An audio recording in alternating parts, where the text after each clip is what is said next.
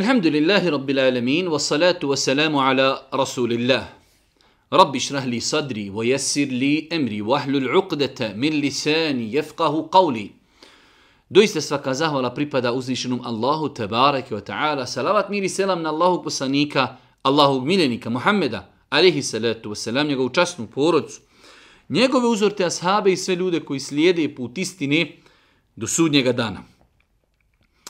Uvažna braćo i poštovani sestre, uvaženi gledatelji, evo nas u još jednoj emisiji u kojoj se družimo sa odabranim kuranskim ajetima. Kao što znate, već od mjeseca Ramazana mi smo krenuli u dva termina, srijedom i četvrtkom, da se družimo sa odabranim kuranskim ajetima. U početku smo komentarisali odabrane ajete određenog džuza, a nakon toga smo se prebacili na drugu metodu, pa svake večeri komentarišemo odabrane ajete jedne kuranske sure. Hvala Allahu Đerašanu, ostale su nam još dvije sure i završili smo 500 stranica Kur'ana, ostaje nam zadnji, ostaje nam zadnji pet džuzeva Kur'ana, što je hvala uzvišom Allahu te barakve ta'ala, e, smatramo veliki uspjeh. Pet šestina Kur'ana smo, inša Allah, e, prešli. Večeras uz Allahu tebarka ta'ala pomoć družimo se sa odabranim ajetima sure Ez-Zuhruf. Odabrani ajeti sure Ez-Zuhruf i e, prijevod značenja riječi Zuhruf ili imena ove sure jeste ukrasi. Ova sura je 43. sura po rasporedu Mushafa, onako kako je danas Mushaf napisan, to je 43. sura, a ova sura je 62. sura koja je objavljena Allahovom poslaniku, alehi salatu veselam. Nakon ove sure, odnosno, ova sura je objavljena nakon sure Fusilet, a nakon nje je objavljena sura Ed-Duhan.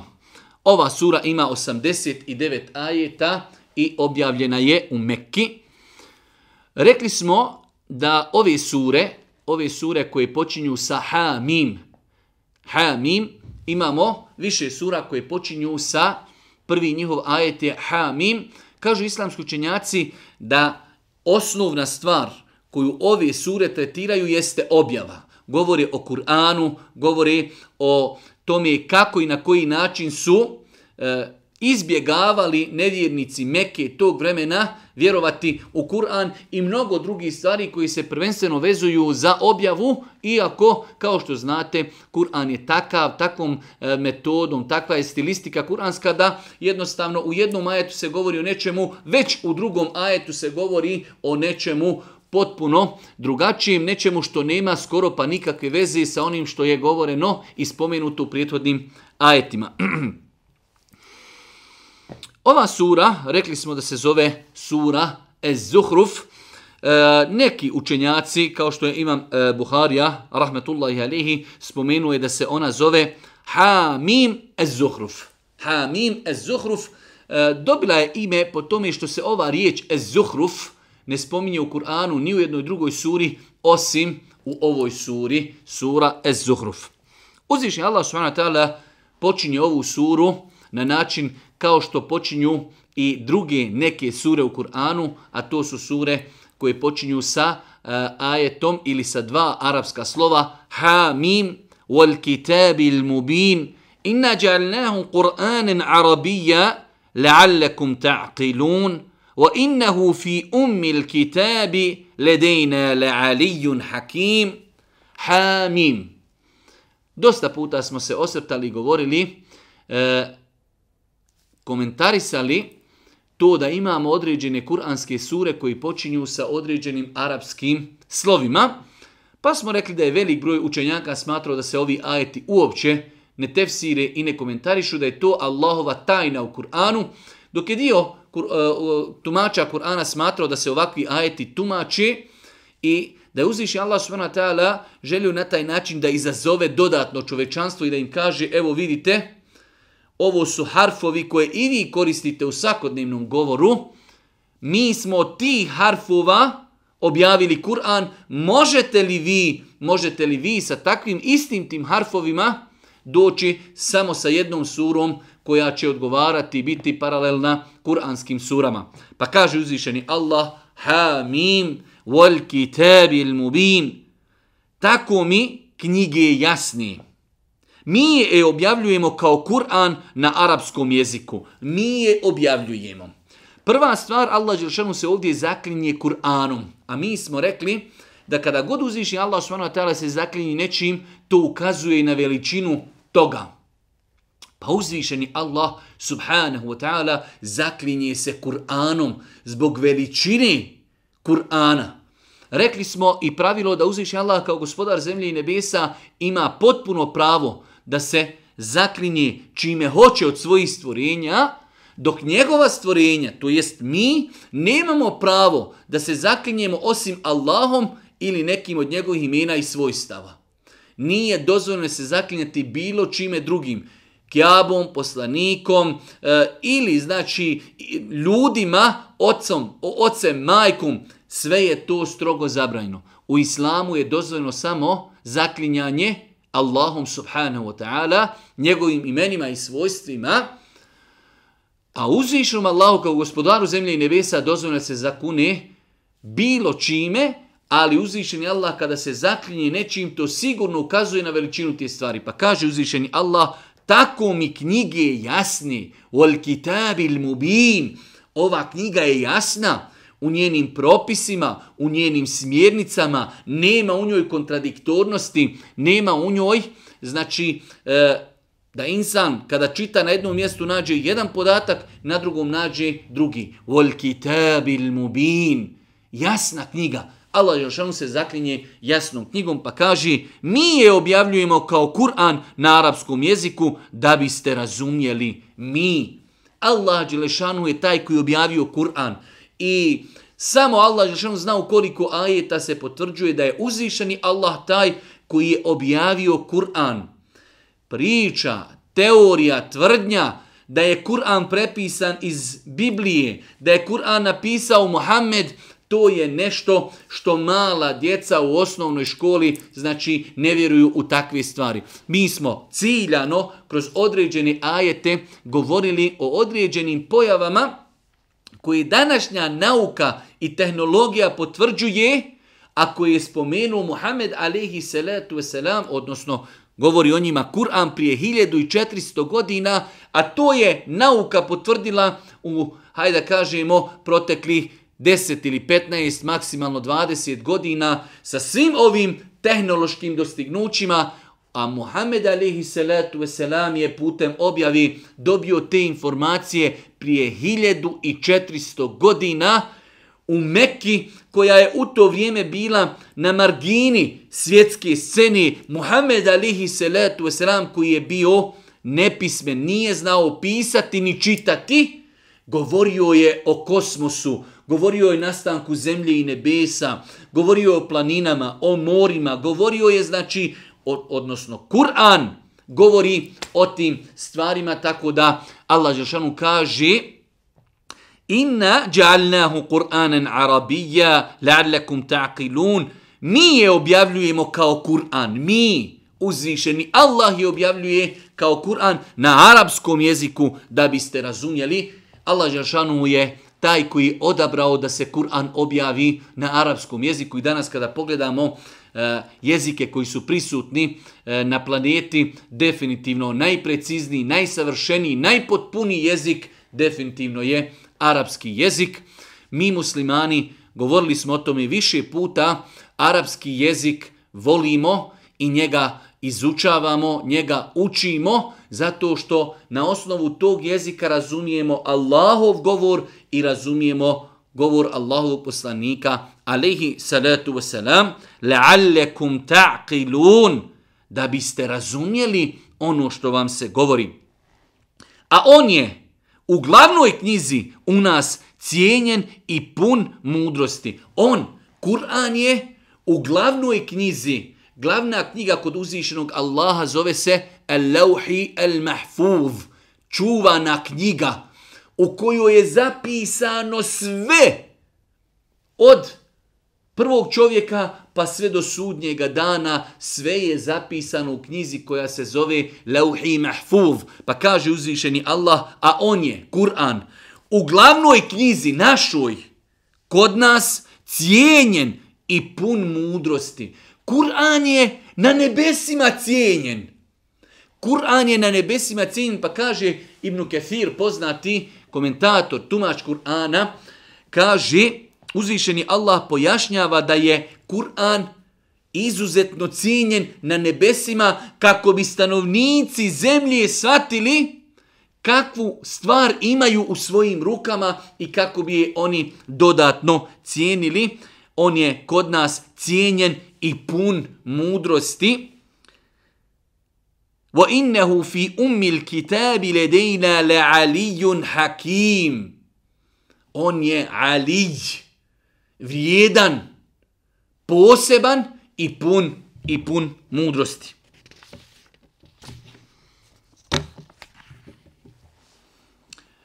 Nakon toga u 12. i 13. ajetu uzvišeni Allah subhanahu wa ta'ala govori o određenim stvarima koje pokazuju da je on gospodar zemlje i nebesa, ali spominje jednu stvar uh, koju želimo da spomenemo kao jednu dodatnu korist, a to je e, dova koja se uči prilikom putovanja. Jer čovjek kada putuje, definitivno može na putovanju biti izložen razno raznim, razno raznim musibetima, iskušenjima, izazovima, pa je propisano na početku putovanja da, uz, da insan prouči dovu onako kako nas je podučio uzvišeni Allah i onako kako je e, primijenjeno u praksi Božih poslanika ali se letu selam dovom koja u kojoj se traži da uzvišeni Allah na putovanju sačuva insana od loših stvari, da mu podari bogobojaznost, da, mu, da ga sačuva od svega što je loše.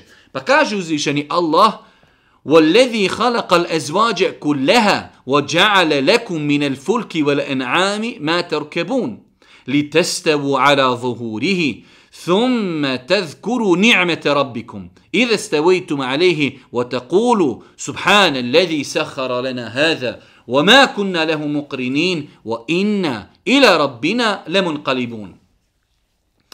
Da se vratimo samo na ove ajete, a nakon toga ćemo spomenuti dovu koju je Allah poslanik alaihi salatu wasalam učio prilikom putovanja. Kaže uzvišeni Allah, On je taj koji stvara stvorenja svake vrste i daje vam lađe i kamile da putujete, da se leđima njovim služite i da se kada na njih jahate, kada na njima jahali budete, blagodati gospodara svoga sjetite i reknite. Hvaljen neka je onaj koji je dao da nam one služi. Mi to sami ne bismo mogli postići i mi ćemo se sigurno gospodaru svome vratiti. Uzvišnji Allah spominje određene blagodati koje je podario čovečanstvu. Jedna od tih blagodati jeste da im je počinio jahalice, počinio im je brodove. Pogledajte Allahovog čuda da imamo danas velike nosače aviona. Koji su to tereti? Koliko je to stotina hiljada tona željeza? Koliko je to stotina hiljada tona željeza? I to plovi po moru. Allahu ekber.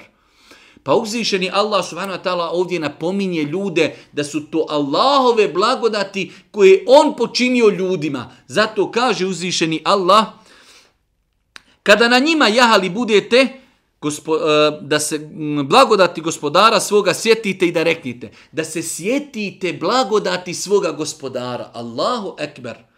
To što je Allah počinio čovjeku, konja, počinio mu devu, da može čovjek jahati, da može sa njim upravljati, da može na njemu e, teret prenositi, prinos, prenositi ili kada su u pitanju lađe, U današnje vrijeme imamo auta, imamo vozove, imamo mnogo drugih različitih e, prevoznih sredstava, zato insan treba neprestano da živi razmišljajući o Allahovim nijametima i blagodatima, zahvaljujući Allahu na onome što nam je podario. Pa uzvišeni Allah ovdje nam govori da budemo od onih koji će razmišljati o Allahovim subhanu wa ta'ala blagodatima i da kažu prilikom znači korištenja tih prijevoznih sredstava, valjen neka je onaj koji je dao da nam one služi.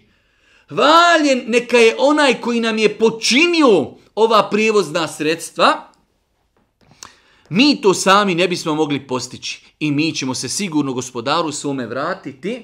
Wa inna ila rabbina lemun kalibun. Kažu islamski učenjaci, komentator Kur'ana, ovaj ajet, kada čovjek putuje, negdje ide, on ga izgovara da bi se prisjetio da ćemo mi kao što sada od kuće idemo, negdje putujemo, isto tako jednoga dana doći će moment kada ćemo mi krenuti na svoje najduže putovanje, to jest krenut ćemo na ahiret, doće nam smrt. Pa pogledajte kako je islam savršen, kako je lijep, kako je potpun, čovjek koristi prijevozna sredstva, Zahvaljuje Allahu što nam je omogućio te blagodati, što nam je počinio ta prevozna sredstva, a u svemu tome opet ne zaboravlja na Allaha, ne zaboravlja na gospodara, sam se prisjeća da će jednog dana otići, otići sa Dunjaluka. Allah poslanik ali se letu selam kada bi kada bi krenuo na putovanje, uh, tri puta bi rekao Allahu akbar, Allahu akbar, Allahu akbar. Nakon toga bi proučio ove ajete Subhane lezi sahara lena hada wa ma kunna lehu muqrinin wa inna ila rabbina lemun qalibun. اللهم إنا نسألك في سفرنا هذا البر والتقوى ومن العمل ma tardah.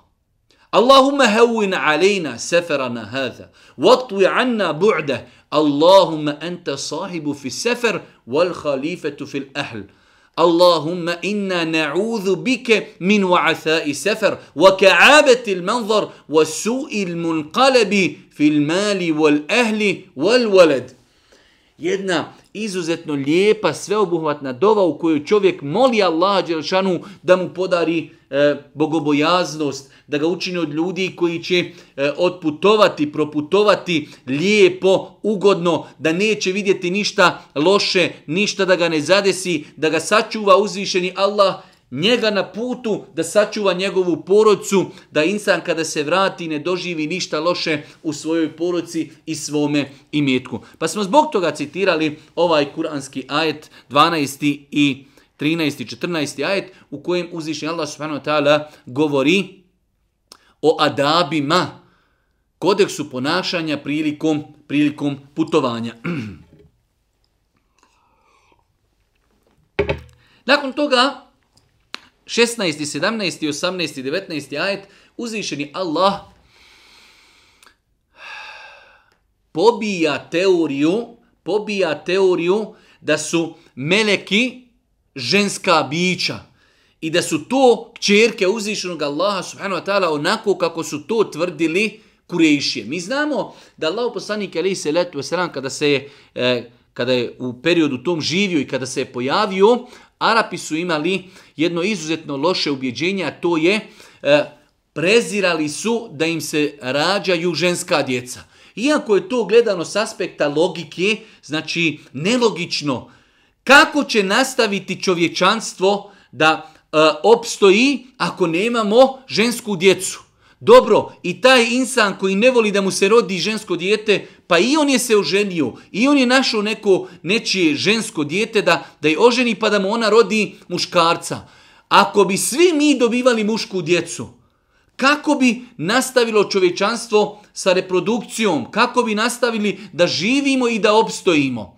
Pa su Arapi, ne razmišljajući svojim, svojim mozgom, znači u to vrijeme prezirali žensku djecu do te mjere, je da su e, znači znali toliko biti poniženi, potišteni zbog toga da su svoju žensku djecu živu zakopavali u zemlju, nezadovoljni time što im je Allah podario žensko dijete.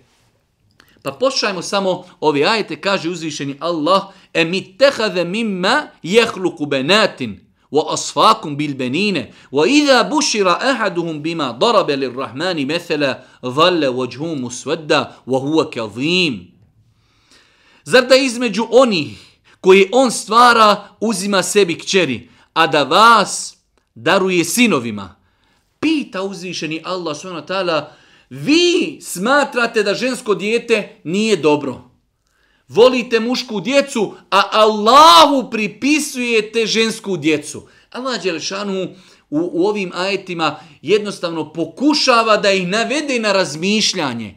Vi tvrdite ne volite žensku djecu, a tvrdite da su meleci Allahove kćeri, pa Allahu pripisujete nešto što vi ne volite sebi iako je uzvišeni Allah subhanahu wa ta'ala daleko od toga, u mnogim kuranskim ajetima negira uzvišeni Allah i da ima suprugu, i da ima potomstvo, i da ima djecu, ali ovdje, znači ovim ajetima se želi podstaknuti insan na razmišljanje. Pripisuješ Allahu koji je savršen, gospodar zemlje i nebesa, nešto što sebi ne voliš pripisati.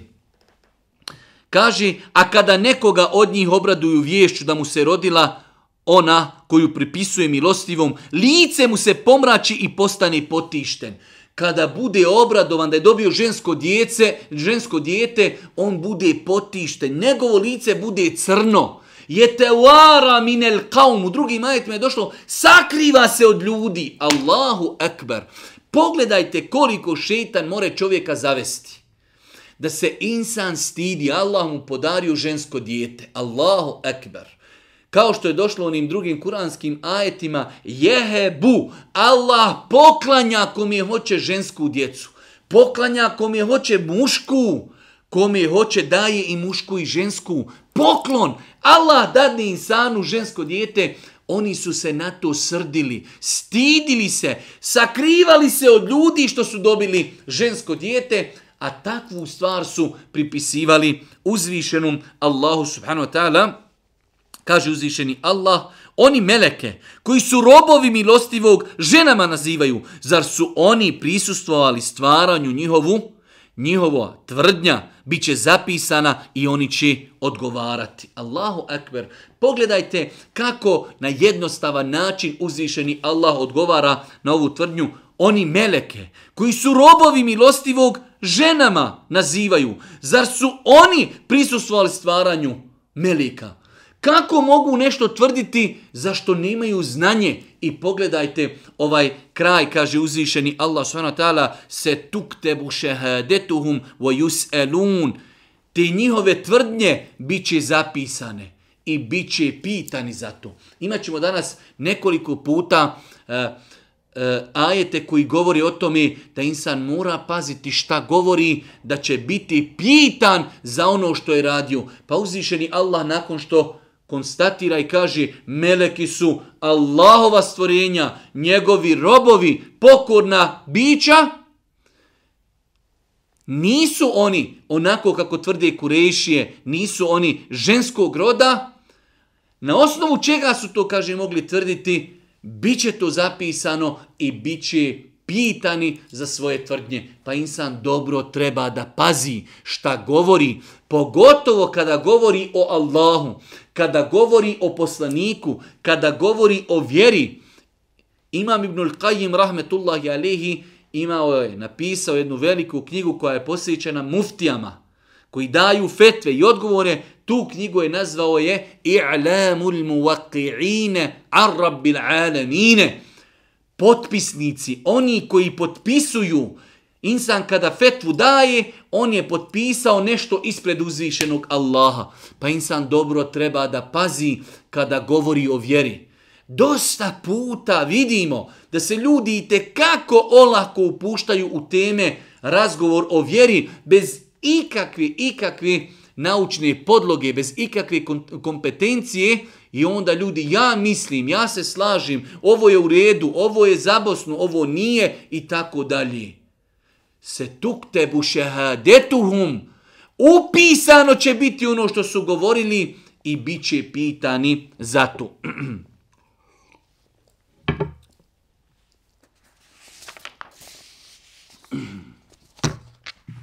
Nakon toga uzvišen Allah opet govori o tvrdnjama nevjernika.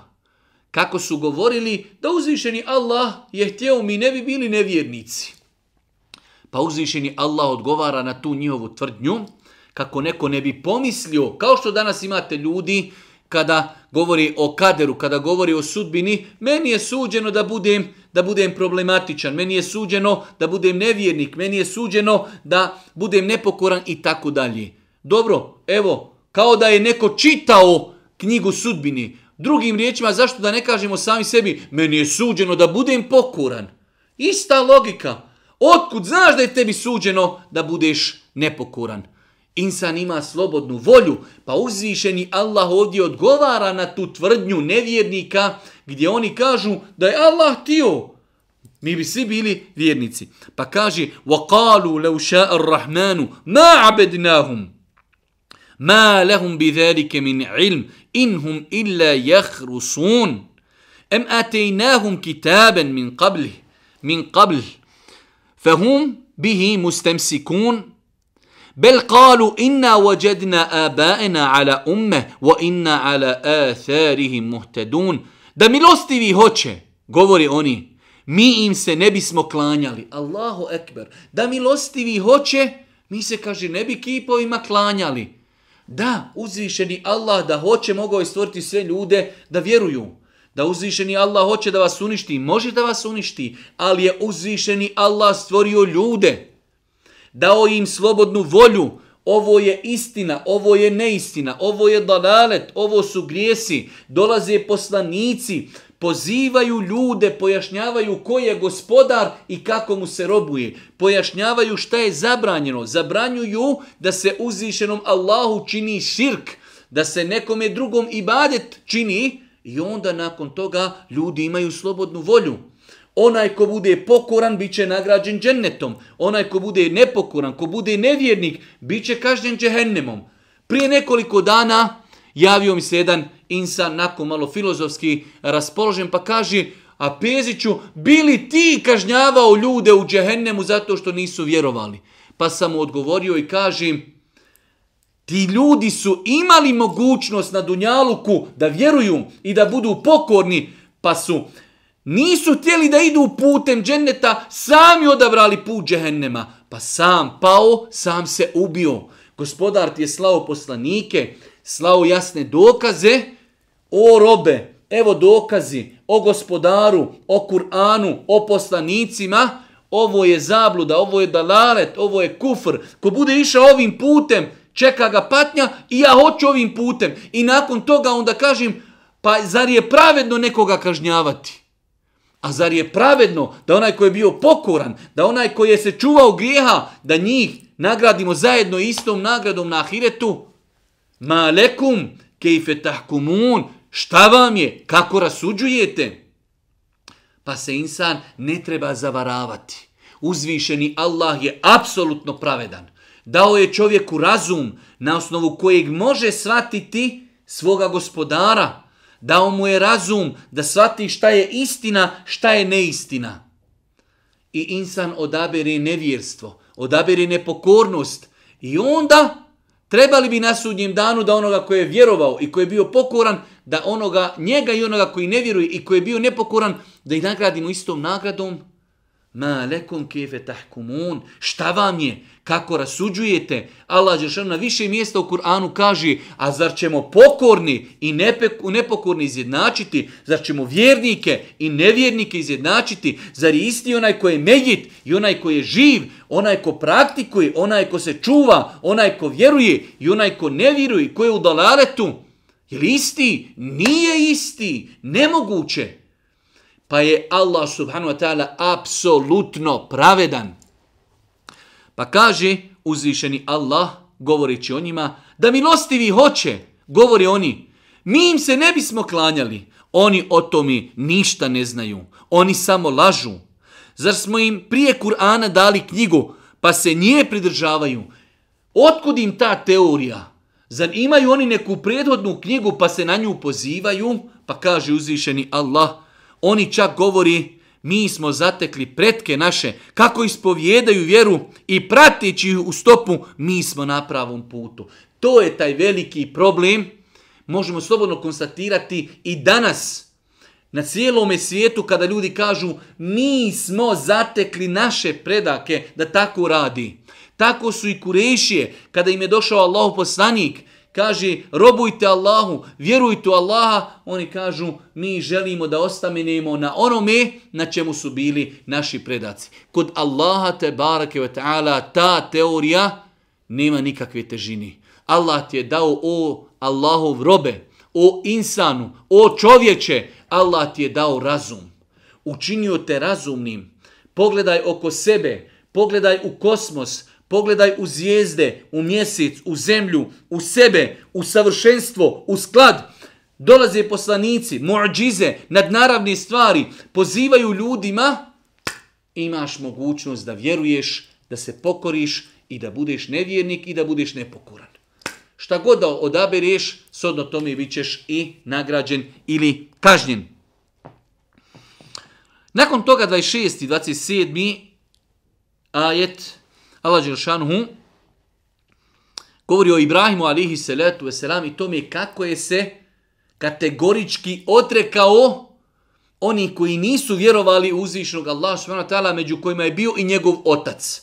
Pa kaže Wa idh qala Ibrahimu li abihi wa qawmihi inneni bera'um mimma ta'budun illa alladhi fatarani fa innahu sayahdin wa ja'alaha kalimah baqije fi aqibihi la'allahum yarji'un A kada Ibrahim reče ocu svome i narodu svome, nemam ja ništa s onima kojima se vi klanjate. Ja se klanjam samo onome koji me je stvorio, jer će mi on doista na pravi put ukazati. On učini riječi teuhida, monoteizma, trajni za potomstvo svoje da bi se dozvali. Ibrahim alihi salatu wasalam pozvao je svoga oca iz njegov narod da robuju Allahu, da se ostave kipova, da se ostave razno raznih drugih božanstava, kada je vidio da se ne odazivaju, kaže ja se odričem, odričem se toga na čemu ste vi. Odrećem se robovanja nekome mimo Allahu. Sastavni dio našeg vjerovanja jeste da se čovjek odrekne svega mimo Allaha subhanu wa ta'ala, robovanja bilo čemu osim Allahu te barak wa ta'ala. Svakako, da se čovjek odrekne neispravnih ubjeđenja, kao što Ibrahim alihi salatu wasalam, njegov odnos prema njegovom ocon i dalje ima obavezu dobročinstva, danas se može desiti da čovjek, insan, bude musliman, njegovi roditelji nemuslimani, on se odriče onoga, što je po njemu nevjerovanje, ali isto tako ostaje onaj moment činjenja dobročinstva na lijep i blag način pozivati, pojašnjavati, doviti za njih još dok su živi da ih uzvišeni Allah uputi na pravi put. Pa nam ovdje Ibrahim a.s. trasira i pokazuje jedan veliki uh, E, put u islamu, a to je da se insan odrekni. La ilaha illallah. Nema Boga osim Allaha. Odričem se svih božanstava i sva božanstva mimo Allaha su lažna božanstva. Odričem se svega mimo Allaha subhanahu wa ta'ala. Pa kaže, a kad Ibrahim reče ocu svome i narodu svome, Nemam ja ništa s onima kojima se vi klanjate. Ja se klanjam samo onome koji me je stvorio. Jer će mi on doista napravi put ukazati. On je učinio riječi Teuhida trajnim za potomstvo svoje da bi se odazvali. Nakon toga 33. 4. i 5. ajet to su ajeti u kojima se baš spominje ova riječ Zuhruf po kojem je sura i dobila ime. Jedan interesantan moment, zaista danas kad sam pripremao ovo predavanje, znači e, ostao sam kod ovih ajeta dugo razmišljajući.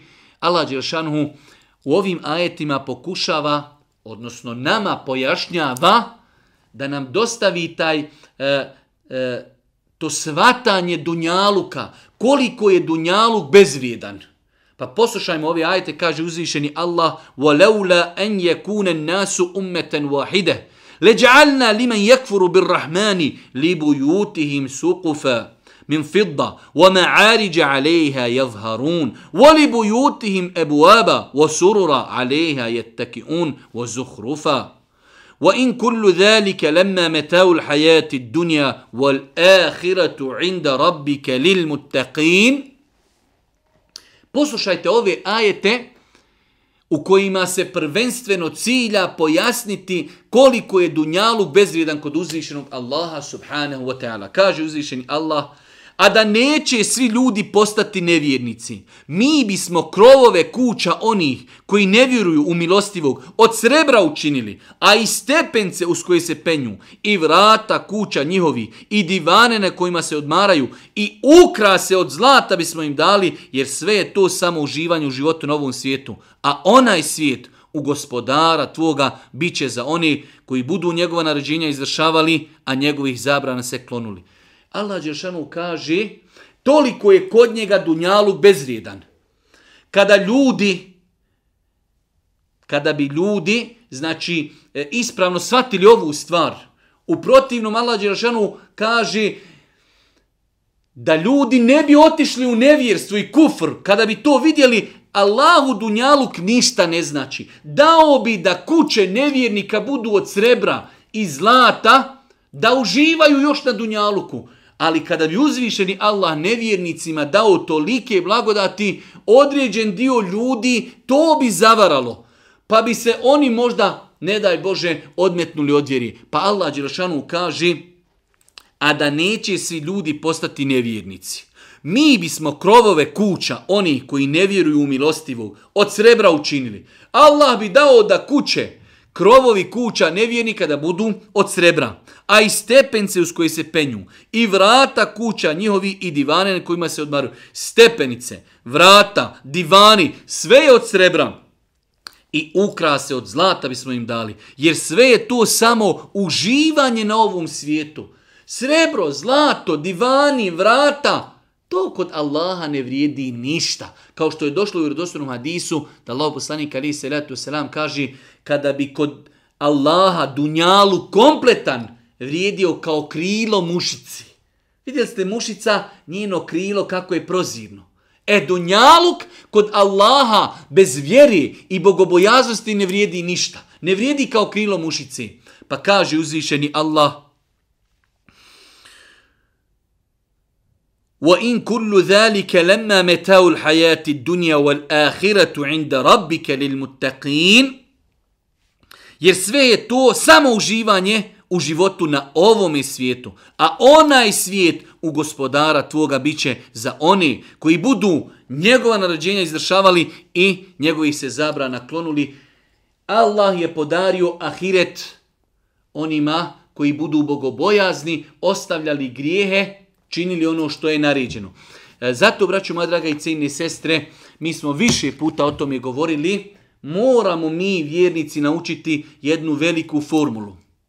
Na dunjaluku, dunjalu kod Allaha ne vrijedi ništa. Dunjalu kod Allaha ne vrijedi ništa. To što nekome Allah da dunjaluk ne znači da ga voli, nikako. To što uzvišeni Allah nekome uskrati dunjaluk ne znači da je Allah srdit na njega. Ako ovo naučimo, živjet ćemo ako Bog da sretno i zadovoljno. To što Allah nekome otvori dunjalučke riznice ne znači da ga voli, jer Allah dunjaluk daje i onoga koga voli i koga ne voli. To što nekome uskrati dunjaluk ne znači da je ljut na njega. Nekad imate čovjeka vjernik i pobožan i pokoran, čuva love granice, ali bijeda. Ili je bolestan, ili je iskušan. Ne znači da ga Allah ne voli. Suprotno tome, kao što je došlo u vjerovostnim hadisima, kada Allah zavoli svoga roba, stavi ga na određena iskušenja kako bi se povećale njegove deređe na sudnjem danu u džennetu.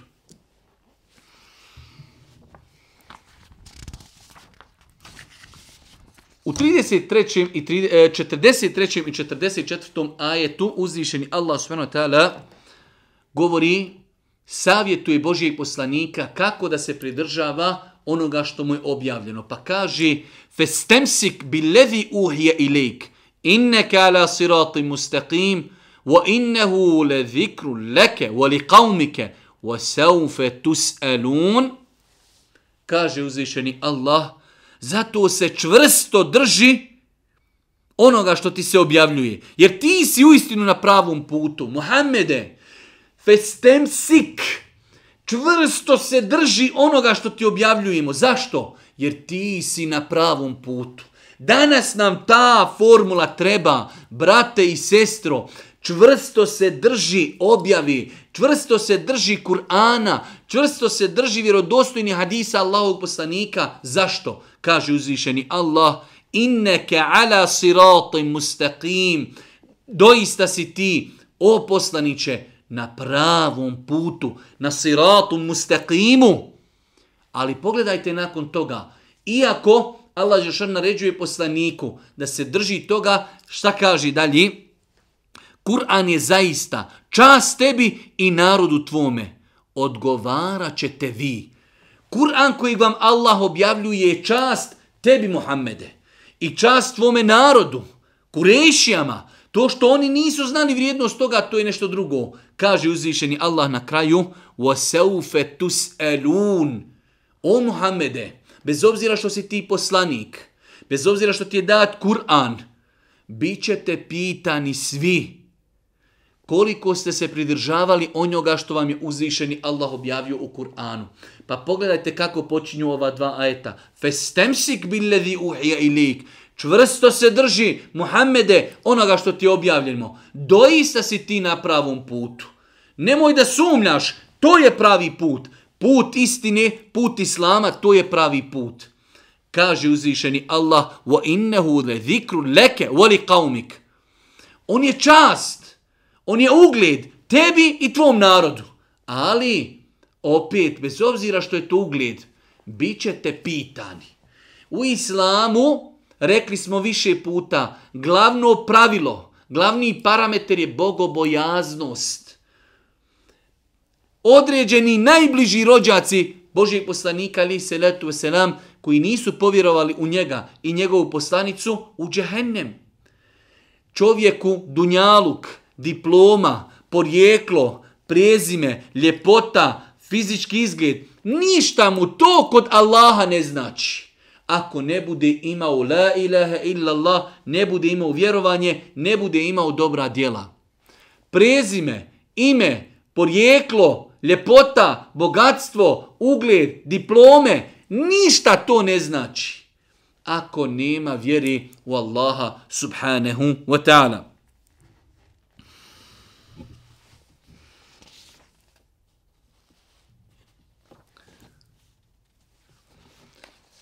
U ovoj suri uziži Allah subhanahu wa ta'ala govori nam ponovo o faraonu. E, mi smo više puta govorili o faraonu, ali želim ovdje da se osvrnim samo na jedan ajet koji nam je možda bitan i potreban, koji možemo u datom momentu povezati sa našom današnjicom. Kaže uzvišeni Allah وَنَادَ فِرْعَوْنُ فِي قَوْمِهِ قَالَ يَا قَوْمِ أَلَيْسَ لِي مُلْكُ مِصْرَ وَهَذِي الْأَنْهَارُ تَجْرِي مِنْ تَحْتِي efeletu besirun do kraja od 51. do 56. ajeta. Kaže uzvišeni Allah i faraon obznani narodu svome. O narode moj, reče on, zar meni ne pripada carstvo i vlast u misru i ovi rukavci rijeke koji ispod mene teku, svačate li? I zar nisam ja bolji od onog bijednika koji jedva umije govoriti? I smijava se faraon sa Musaom. Musa alaih salatu wasalam je imao govornu mahanu, pa je zato i tražio od uzvišnog Allaha da mu pomogne, da ga potpomogne sa njegovim bratom Harunom, pa je kazao Musa, potpomozi me gospodaru sa mojim bratom, on je, on je rječiti od mene. Pa se Ovdje faraon ismijava sa Musaom alejhi salatu ve selam, ali se on ismijava sa svojim narodom pa kaže: "A zar nisam ja bolji od onog bjednika koji jedva umije govoriti? Zašto mu nisu stavljene narukvice od zlata ili zašto zajedno sa njim nisu došli meleki? I on zavede narod svoj pa mu se pokoriši. Oni su doista bili narod griješni." a kada izazvaše naš gnjev, mi ih kaznismo i sve ih potopismo i učinismo ih primjerom i poukom narodima kasnim. Ovdje je jedan interesantan ajet kaže uzvišeni Allah feste hafe qaumehu fe etaruh i on zavede narod svoj pa mu se oni pokoriši. Ovaj ajet doista feste hafe qaumehu vratio sam se na dosta tefsira Eh, jedan od najljepših tefsira koji je govorio o ovom terminu feste hafe kaumehu jeste tefsir e, Kurtubija e, gdje navodi različita mišljenja šta znači feste hafe kaumehu fe ata'u prevedeno je na bosanskom i on zavede narod svoj a kaže Ibnu e, kaže El Kurtubi po jednom od tefsira kaže eji vođedehum hifafel uquli našao ih je našao ih je da su jednostavno e, nisu razmišljali, našao ih je da su e, bili ograničeni razumno, pa ih je pozvao, pa su mu se oni tome i odazvali. Zaveo ih je, oni su mu dopustili da im plasira tu svoju propagandu. Nažalo, živimo danas na cijelom svijetu, vidimo uh, kakva propaganda, kakva mašinerija radi, a čovječanstvo, rekli smo, kao da je hipnotisano. Pogledajte evo ovu našu napačenu Bosnu. Toliko godina, toliko izbora, toliko obećanja i ljudi svaki put iz početka, svaki put nasjednu na istu priču, na ista obećanja i svaki put se ta obećanja ne ispuni. Pa na svjetsku scenu pogledajte kako se manipuliše ljudima. Pogledajte kada je u pitanju islamofobija, kako se islam kao tako lijepa, savršena, potpuna religija, Muhammed alihi salatu wasalam kao Allahov najbolji rob koji je kročio zemljom, kako se Muhammed alihi salatu wasalam prikazuje u negativnom svjetlu na zapadu. Festehafe qavmehu fe ata'uhu. Zaveo je, kaže on, svoj narod, pa su mu se oni pokorili. Danas je planeta zavedena retorikom koju je imao faraon. Jeli, kaže, bolji onaj koji jedva govori ili ja. Šta je problem ako neko ima govornu mahanu? Daj da čujemo šta govori, daj da čujemo čemu poziva. Ne, on se je hvatao za vanjštinu. Kao što danas imamo manipulisanje, manipulisanje masama pa je on izmanipulisao mase, izman, iskoristio je njihovu e, ograničenost, intelektualnu ograničenost ok, iskoristio je, zaveo ih je manipulacija, fe'eta'u, pa su mu se pokorili. Šta je bilo? Kaže, oni su doista bili narod griješni. A kad izazvaše naš gnjev, mi ih kaznismo i sve ih potopismo i učinismo ih primjerom i poukom narodima kasnim. Nakon toga, kada su izazvali Allahov gnjev, gnjev, šta je bilo? Kazna, potopljeni, Allah ih je učinio primjerom. Pa insan mora s razmišljanjem učiti čitati Kur'an. Ova historijska dešavanja, kako je faraon manipulisao sa narodom, Moramo se paziti da ne dozvolimo mi danas da neko manipuliše nama, da pazimo na termine, da pazimo na izraze, da provjeravamo informacije, da pazimo šta nam se plasira. Da provjeravamo ono što nam se ono što nam se plasira. I predzadnji ajeti koji ćemo komentarisati govori o Isau alihi salatu wasalam. Mi smo više puta kroz suru Alu Imran i mnoge druge sure govorili o e, Isau alihi salatu wasalam. Govorili smo u suri Merjem kako je rođen Isa alihi salatu wasalam. Govorili smo o tome e, kako muslimani vjeruju u Isa alihi salatu wasalam. Vjeruju da je on jedan od odabranih poslanika vjeruju da je e, pozivao Allahu Đelešanuhu da nije imao nikakva božanska svojstva, on i njegova majka. Kaže, Allah Đelešanu govori o Isau, وَلَمَّا جَاءَ عِيسَ بِالْبَيِّنَاتِ قَالَ قَدْ جِئْتُكُمْ بِالْحِكْمَ وَلِأُبَيِّنَ لَكُمْ بَعْضَ الَّذِي تَخْتَلِفُونَ فِيهِ فَتَّقُوا اللَّهَ وَأَطِيعُونَ إِنَّ اللَّهَ هُوَ رَبِّي وَرَبُّكُمْ فَاعْبُدُوهُ hada siratu mustaqim. A kada je Isa očita znamenja donio, on je rekao, donosim vam mudrost i dolazim vam, dolazim da vam objasnim ono oko čega se razilazite. Zato se Allaha bojte i meni se pokoravajte. Allah je moj i vaš gospodar, pa se njemu klanjajte, to je pravi put. Jasno, ko dan, Allah Đelešanu govori o Isau alihi salatu wasalam, Vidjeli smo u suri Maide, kad Allah Đelšanu pita Isa alaihi salatu wasalam, jesi li ti tvrdio da si Bog, jesi li tvrdio da si božanstvo?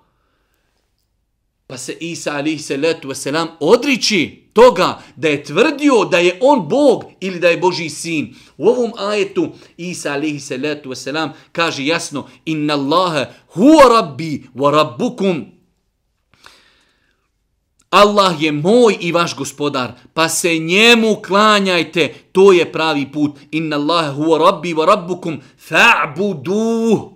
Allah je moj gospodar i vaš gospodar, njemu i bade činite, to je pravi, to je pravi put. Hada siratum mustaqim.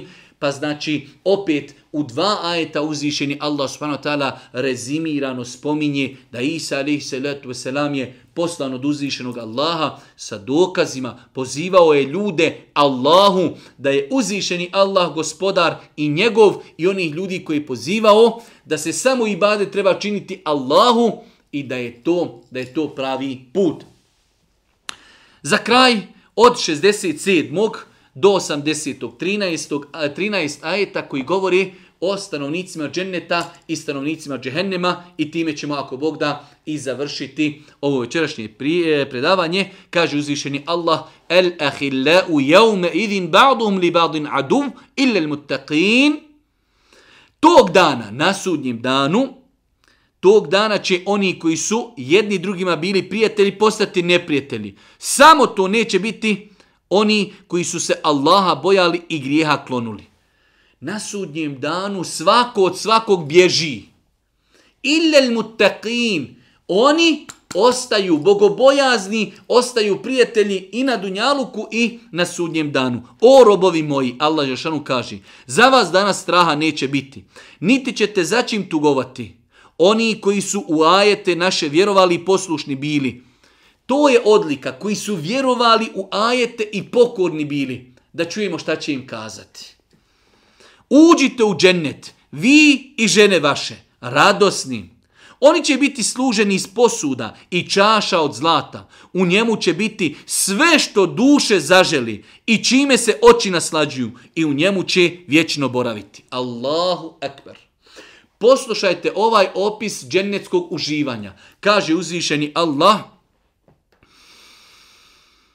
وفيها ما تشتهيه الانفس وتلذ الاعين وانتم فيها خالدون تري stvari tri opisa uđite u džennet vi i žene vaše radosni oni će biti služeni iz posuda i čaša od zlata u njemu će biti sve što duše zaželi što god čovjeku duša zaželi imaće u džennetu prva stvar druga stvar I čime se oči naslađuju? Sve što je čovjeku lijepo, sve što može da uživa, to će mu uzvišeni Allah svona tela podarti i na kraju i u njemu će vječno boraviti.